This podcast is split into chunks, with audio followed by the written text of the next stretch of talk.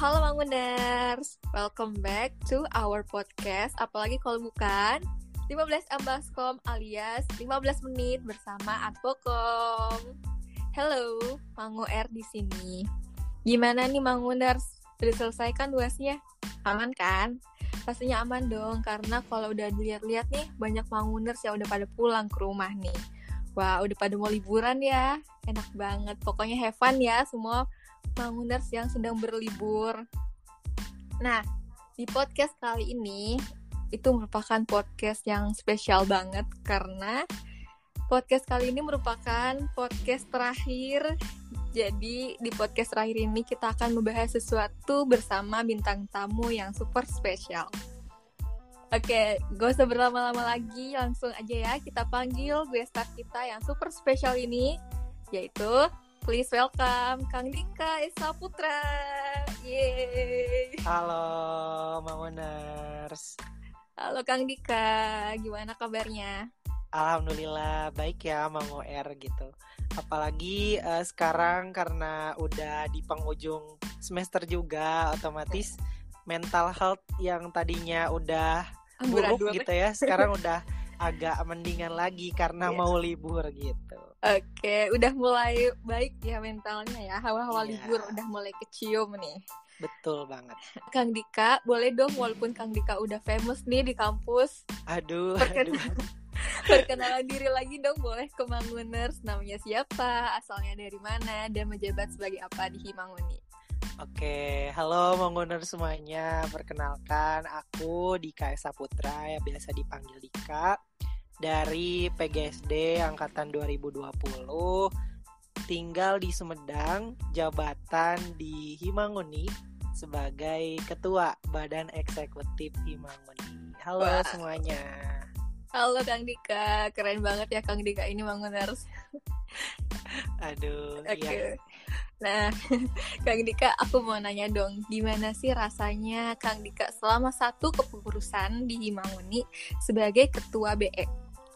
Ya, kalau ditanya perasaan menjabat Yuk. gitu ya sebagai yeah. ketua, saya pribadi jujur merasa ada senangnya, ada sedihnya juga gitu. Wah, wow.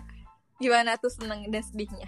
Oke, senangnya tuh karena ya alhamdulillah gitu ya dari Himanguni ini banyak banget yang bisa saya dapat gitu ya, terutama pelajaran entah itu dari rekan-rekan saya ataupun dari kegiatan-kegiatan yang kita laksanakan gitu ya di Himanguni ini. Banyak banget rasa senangnya gitu. Pertama, mungkin saya bisa kenal lebih jauh gitu ya dengan orang-orang, ada banyak relasi juga gitu ya yeah. di Himanguni ini. Kemudian kalau misalnya melaksanakan kegiatan nih, rasa senangnya tuh ketika kita berhasil gitu. Akhirnya Himanguni berhasil gitu mengadakan suatu acara. Nah, itu hmm. suatu kesenangan juga bagi saya. Tapi di balik kesenangan-kesenangan itu gitu ya, ada juga nih kesedihan-kesedihannya gitu. Karena ya yang namanya apa ya, menjadi seseorang gitu ya di dalam suatu organisasi ataupun ya kita ikut berkecimpung gitu ya dalam urusan organisasi pasti aja uh, ada masalah-masalah tertentu yang akan kita hadapi ya bahkan ketika kita tidak ikut organisasi ataupun tidak tergabung gitu ya dalam organisasi masalah itu selalu tetap ada. ada betul nggak ya. bener banget jadi masalah iya. tetap ada dan harus iya. dihadapin cuman yang membedakan antara masalah kita ketika bergabung dengan suatu organisasi ataupun tidak gitu ya nah masalahnya itu lebih lebih kompleks gitu ya karena di sini masalah yang kita hadapi dalam suatu organisasi itu berkaitan dengan banyak orang, yeah. berkaitan dengan psikologi seseorang gitu ya, yeah, bahkan bener. ya ber, berkaitan dengan waktu sehari-hari kita gitu ya. Makanya di sini rasa sedihnya tuh mungkin dari situ ya, tapi karena saya enjoy gitu ya menjalani selama satu kepengurusan di Himanguni ini terus rekan-rekan saya juga sangat luar biasa. Alhamdulillah kesedihan itu tuh tercover gitu jadi lebih banyak senangnya gitu. Alhamdulillah. Tapi emang benar sih setiap perjalanan itu pasti ada pahit manisnya gitu. Nggak cuma di organisasi tapi kehidupan pribadi juga pasti ada. Boleh dong ceritain sedikit gimana perjalanan Kang Dika selama mengurus Himanguni sebagai Baik. ketua BE. Oke, perjalanan saya gitu ya selama yeah. menjabat satu iya, periode yeah, ini. Benar. Jujur gitu ya, saya berangkat dari pribadi yang asalnya mungkin tidak pernah gitu ya menduduki posisi ketua dalam suatu organisasi dan tiba-tiba dianugerahilah gitu ya pada saat itu saya untuk menjadi ketua badan eksekutif di Himanguni. Wow. Ya, jujur pertama kali gitu ya ini experience pertama yang bikin saya banyak berubah, banyak belajar gitu ya dari adanya posisi ini gitu ya. Karena pada saat awal-awal menjabat saya sempat merasakan yang rasanya insecure terus kemudian gundah gulana gitu ya kemudian ya galau gitu ya gimana ya, ini ya. cara saya menjalankan organisasi Himanguni ini gitu karena ya itu tadi saya tidak ada pondasi gitu ya ataupun tidak ada bekal sama sekali dalam hal kepemimpinan. Sebenarnya kalau untuk materi gitu ya secara materi ya saya ada gitu ya bakat kepemimpinan maksudnya menerima materi terkait kepemimpinan ya saya ada cuman ketika diaplikasikan nah itu belum pernah saya coba gitu sebelumnya dan aplikasikannya pada saat ya sekarang ini gitu. Jadi di awal-awal tuh sempat merasa kebingungan gimana caranya saya merekrut anggota, gimana caranya saya menentukan bagian-bagian yang harus ada dalam kepengurusan gitu wah itu pokoknya luar biasa sekali gitu ya kebingungan-kebingungan itu ada tapi akhirnya dengan tekad yang sangat kuat gitu ya untuk terus melangkah membawa Himanguni menjadi lebih baik ya akhirnya saya bisa memecahkan bisa um, melewati ya ya melewati hal-hal itu sampai akhirnya berjalanlah gitu ya mulai kepengurusan uh, selama kepengurusan ini jujur gitu ya selama saya menjadi seorang pemimpin banyak banget karakter-karakter ternyata ya orang-orang ini berbeda-beda gitu. Karakter baru ya ketemu. Iya betul baru. sekali. Jadi bermacam-macam gitulah ya karakter anggota di Himanguni yang bisa saya kenali gitu. Hmm. Ada yang sangat rajin, ada yang diam tapi ternyata di belakang mengerjakan sesuatu dengan cepat gitu. Jadi oh. banyak hal-hal yang tidak terduga lah gitu yang bisa saya kenali dari seseorang. Kemudian di sini juga ya selama perjalanan di Himanguni tadi gitu ya banyak sekali masalah yang akhirnya dipecahkan bersama-sama gitu. Jadi di sini saya bisa merasakan gitunya adanya rasa kebersamaan antar sama anggota Himanguni gitu ya sampai akhirnya tidak terasa gitu ya proker-proker sudah terlewati sudah di sudah. ujung periode juga gitu tidak terasa pokoknya ada sedihnya juga deh gitu gak kerasa ternyata satu periode tuh gini-gini aja gitu akhirnya terlewati gitu. Oh, Oke, okay. jadi emang uh, jadi ketua itu belum apa ya? Bukan sesuatu yang mudah gitu ya, Kang Dika. Banyak iya, hal-hal ya, yang harus dilewati, terus banyak tanggung jawab yang tidak ringan juga dan ada anggota yang juga uh, bergantung dengan Kang Dika. Tapi Kang Dika keren Betul. banget nih walaupun belum pernah punya pengalaman menjadi ketua, tapi Kang Dika alhamdulillahnya bisa menjalani uh, Manguni ya sebagai ketua BE yang keren banget. Iya, alhamdulillah ya. Saya bisa menjalani ini pun tidak terlepas dari rekan-rekan saya tentunya yang ada di Himanguni. Jadi selain saya yang luar biasa, rekan-rekan saya di Himanguni juga luar biasa yang sudah membantu saya gitu ya menjalankan uh, Himanguni ini selama satu periode dengan sangat luar biasa juga gitu. Pastinya dong, termasuk saya ya. Iya, betul banget nih Mamu R yang selalu semangat gitu ya untuk melaksanakan podcast 15 M Baskom. Uh, harus dong. Oke. okay. Nah, Kang Dika kan um, sebagai ketua BE Himangun ini pasti sibuk kan? Pasti ada masa-masa hektik banget nih. Nah, gimana sih cara Kang Dika membagi waktu antara kuliah dengan organisasi? Oke. betul banget sih gitu ya Manguer ketika menjadi seorang ketua gitu ya di Himanguni yang tadinya sibuknya mungkin masih biasa-biasa aja gitu ya kayak ya udah gitu melaksanakan proker di organisasi sama uh, melaksanakan tugas-tugas kuliah tapi ketika menjadi ketua bebannya nambah lagi gitu ya. Harus stay 24 jam karena aduh WhatsApp aduh, tuh ada aja gitu Rame masuk ya, gitu. ya. entah itu dari lembaga ataupun daya dari rekan-rekan Himanguni sendiri. Jadi harus stay gitu ya 24 jam terus mengurusi hal-hal lain gitu ya yang memang berkaitan dengan Himanguni. Nah kalau ditanya gimana sih cara membagi waktu gitu ya. Kalau saya pribadi selalu menempatkan prinsip gitu ya mana yang lebih penting gitu. Nah di sini posisi saya gitu ya sekarang karena sudah menjadi uh, ketua gitu otomatis ada dua hal penting gitu ya dalam hidup saya di kuliah gitu ya tentunya yaitu sebagai mahasiswa dan sebagai ketua Himanguni gitu. Jadi uh, dua-duanya beriringan gitu antara sebagai mahasiswa dan sebagai ketua organisasi. Kalau dulu kalau sebelum jadi organisasi eh, sebelum jadi ketua organisasi di Himanguni gitu jadi ya. anggota biasa gitu ya. Mm -hmm, uh, yang paling penting di hidup saya pas kuliah itu berarti yang di nomor satu kan adalah kuliah gitu.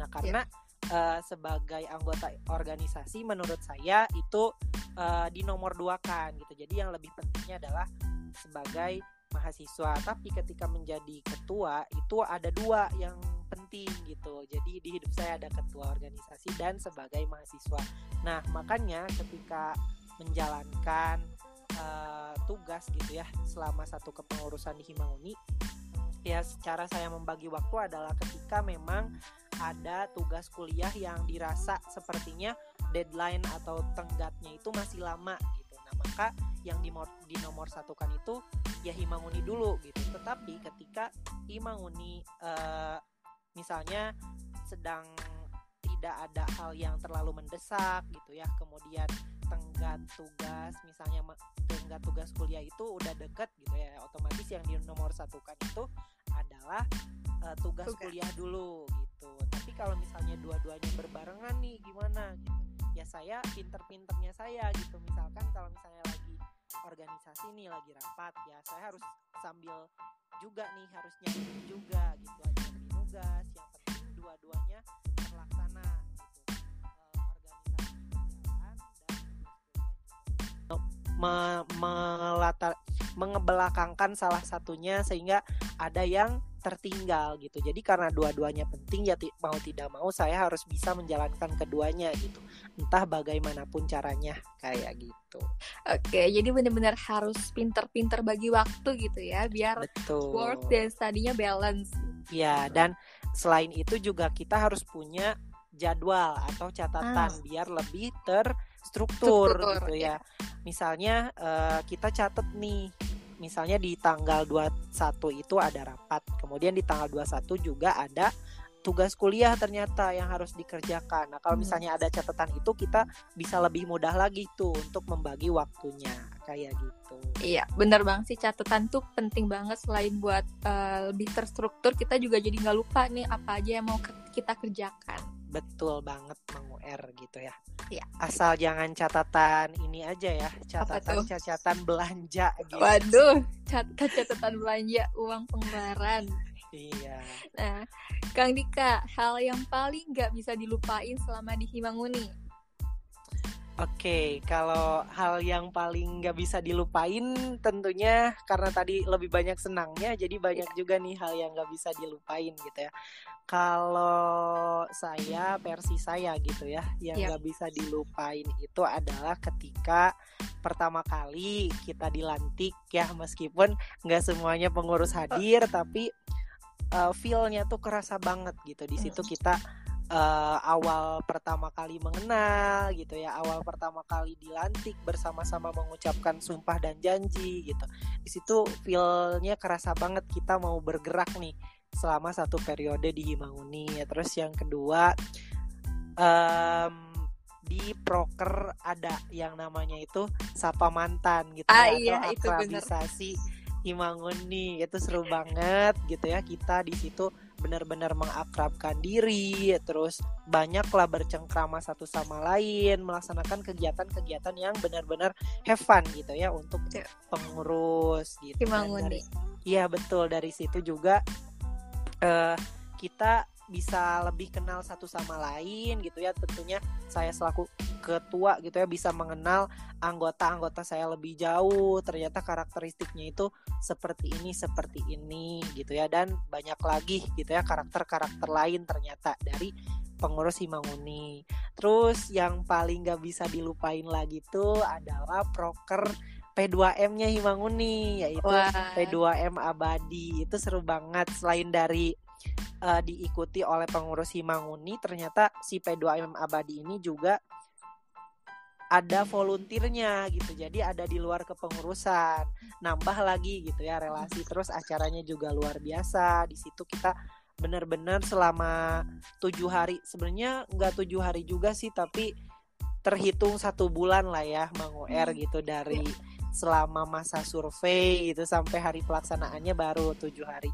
Nah itu benar-benar merekatkan kekeluargaan kita gitu ya, terutama antar sesama pengurus gitu untuk melaksanakan proker itu dan karena ya hampir cukup lama gitu ya satu bulanan lebih perjuangan untuk melaksanakan acara ini tuh kerasa banget gitu sampai-sampai akhirnya pada saat evaluasi kegiatannya gitu ya banyak uh, mengeluarkan air mata juga gitu ya oh. dari panitia, dari peserta gitu ya. Pokoknya saking luar biasanya acara ini gitu ya. Saking lamanya, saking megahnya pada saat hari H karena di hari H tentunya ada pesta rakyat gitu ya yang harus kita laksanakan wah pokoknya wah. itu luar biasa banget P2M tergokil gitu ya wow. yang pernah dilaksanakan oleh Himanguni. Manguni. Wah, ya, keren banget ya seperti itu mungkin yang nggak bisa saya lupakan gitu. Dan tentunya ada satu lagi sih yang bakal mungkin saya kangenin banget adalah rapat gitu ya. Oke, rapat, rapat bersama ya. pengurus gitu. Pasti itu dikangenin banget sih Mang R gitu ya. Karena dengan adanya rapat ini gitu ya uh, selain kita bertukar pendapat, selain kita hektik untuk berdiskusi ya melaksanakan atau mempersiapkan suatu acara, di situ kita juga kadang ada uh, candaan-candaan tertentu gitu. Bahkan yang paling dikangenin banget mungkin ya nantinya nggak bisa dilupain banget tuh rapatnya sampai jam 10 sampai jam sampai 12 tengah malam gitu, gitu ya, ya. sampai tengah malam gitu. Wah itu luar biasa banget sih gitu. Wow, banyak banget ya momen-momen yang berharga yang nggak bisa dilupain sama Kang Dika selama di iya, Himangoni. Betul nah, sekali. Kalau kesannya nih Kang Dika selama menjadi uh, pengurus inti Himangoni, khususnya badan eksekutif itu apa sih? Ya, kalau kesan saya selama menjadi ketua ataupun pengurus gitu ya di badan eksekutif Himangoni, tentunya saya merasa sangat bangga gitu ya, Teh yeah. Ya. uh, R gitu ya di sini karena ya tadi gitu ya di sini saya bisa mendapatkan keluarga baru bisa belajar hal-hal baru banyak hal yang memang uh, membuat diri saya diri pribadi saya mengeksplor gitu ya yang tadinya tidak tahu menjadi tahu kemudian banyak juga lingkup-lingkup birokrasi kampus yang saya ketahui akhirnya gitu ya kemudian hmm ya banyaklah gitu ya yang membuat saya terkesan sangat bangga gitu ketika menjadi pengurus Himanguni gitu terutama itu tadi sih ketika kita berhasil gitu ya melaksanakan suatu program kerja gitu nah hmm. itu kesan yang sangat luar biasa banget gitu ketika saya menjadi pengurus di Himanguni gitu. Oke, wow, ke wow kesannya sangat-sangat ya menyentuh banget gitu ya karena udah menjalani satu pengurusan pasti udah deket juga nih sama anggota-anggotanya. Betul. dan acaranya juga pasti udah banyak sehingga mungkin bakal dikangenin nanti ya Kang Dika kalau Kang Dika udah bentar lagi mau mumas. Iya bener. Bakal dikangenin sih tapi ya kangennya nggak kangen banget gitu. ya udah kangen aja gitu ya tapi nggak mau balik. Gitu. Nah kalau pesannya nih Kang Dika untuk para pengurus Himangoni untuk para pengurus Simanguni kabinet apa gitu ya Agni Pasa Adigana yang saya cintai dan saya banggakan. Aduh. Saya di sini mau mengucapkan terima kasih banyak kepada teman-teman semua yang sudah mau berjuang gitu ya bersama saya di periode kepengurusan Himangun tahun sekarang kepada Mang WR juga pesannya gitu ya kepada teman-teman semua. Intinya saya bangga gitu bisa bekerja sama bisa melaksanakan satu kepengurusan ini bersama kalian semua. Mudah-mudahan kalian bisa banyak mengambil pelajaran juga dari kepengurusan tahun ini. Dan selepas gitu ya selepasnya kalian dari Himanguni ini mudah-mudahan kalian bisa menjadi orang-orang yang berguna, orang-orang yang luar biasa untuk lingkungan sekitar gitu ya. Mudah-mudahan kalian bisa menjadi pemimpin-pemimpin lain gitu lah ya di lingkungan kalian masing-masing. Karena ya tentunya dari satu kepengurusan ini dari satu periode kepengurusan ini kita banyak belajar gitu ya banyak belajar bagaimana cara memecahkan masalah yang sangat luar biasa bagaimana caranya melaksanakan suatu proker. Wah luar biasa pokoknya. Tak apa ya tak henti-hentinya saya ingin mengucapkan terima kasih karena tanpa adanya anggota karena tanpa adanya kalian semua Himanguni tidak akan berkiprah semegah ini tidak akan berjalan kepengurusannya tidak akan luar biasa. Banyak dan mohon maaf kalau misalkan selama satu periode kepengurusan ini saya ternyata masih bisa masih belum bisa gitu ya menjadi seorang pemimpin yang tidak diharapkan gitu ya atau yang tidak sesuai dengan harapan teman-teman semua. Di sini saya juga masih belajar dan belajar. Mudah-mudahan ya kita bisa saling mengevaluasi diri satu sama lain gitu. Dan intinya semangat terus buat teman-teman semua karena tentunya uh, masih banyak gitu ya hal lain mudah-mudahan teman-teman gak cuman bisa puas gitu ya mendapatkan apa yang dari Himanguni aja tapi bisa mengeksplor lebih jauh gitu ya terkait ilmu organisasi dan pengalaman organisasi kalian di organisasi lain gitu. Dan saya harap bisa diimplementasikan juga uh, pembelajaran kalian yang telah dapat di Himanguni di organisasi lain yang kalian ikuti seperti itu. Oke, mungkin aku mewakili pengurus Himanguni lainnya ya Kang Dika. Boleh. aku mau ngucapin terima kasih banyak ke Kang Dika dan Kang Ripas yang udah menjadi ketua di Himanguni. Untuk Kang Dika terima kasih udah menjadi ketua badan eksekutif khususnya ya. Ketua yang baik, ketua yang luar biasa. Terima kasih sudah bekerja keras sampai akhir. Terima kasih sudah bertahan di akhir kepengurusan ini. Pokoknya bentar lagi kita bakal menyelesaikan semua ini bersama-sama. Pokoknya ya, betul dan sekali. dan setelah ini uh, semoga bisa tetap jadi apa ya akrab lah ya. Bukan berarti memang udah selesai kita udah gak akrab. Semoga masih betul. tetap ya akrab deh pokoknya. Hmm. Kalau bisa sih ada ini ya nanti reuni uh, Sapa Mantan part 2 gitu. Boleh tuh kayaknya Teh Wina nih kalau denger ini boleh dong diagendakan gitu ya. Boleh ya Teh Wina ya. Ya, tolong dicatat ya Teh Wina. Oke. okay. Nah, nggak kerasa nih Kang Dika kita udah berada di penghujung podcast nih.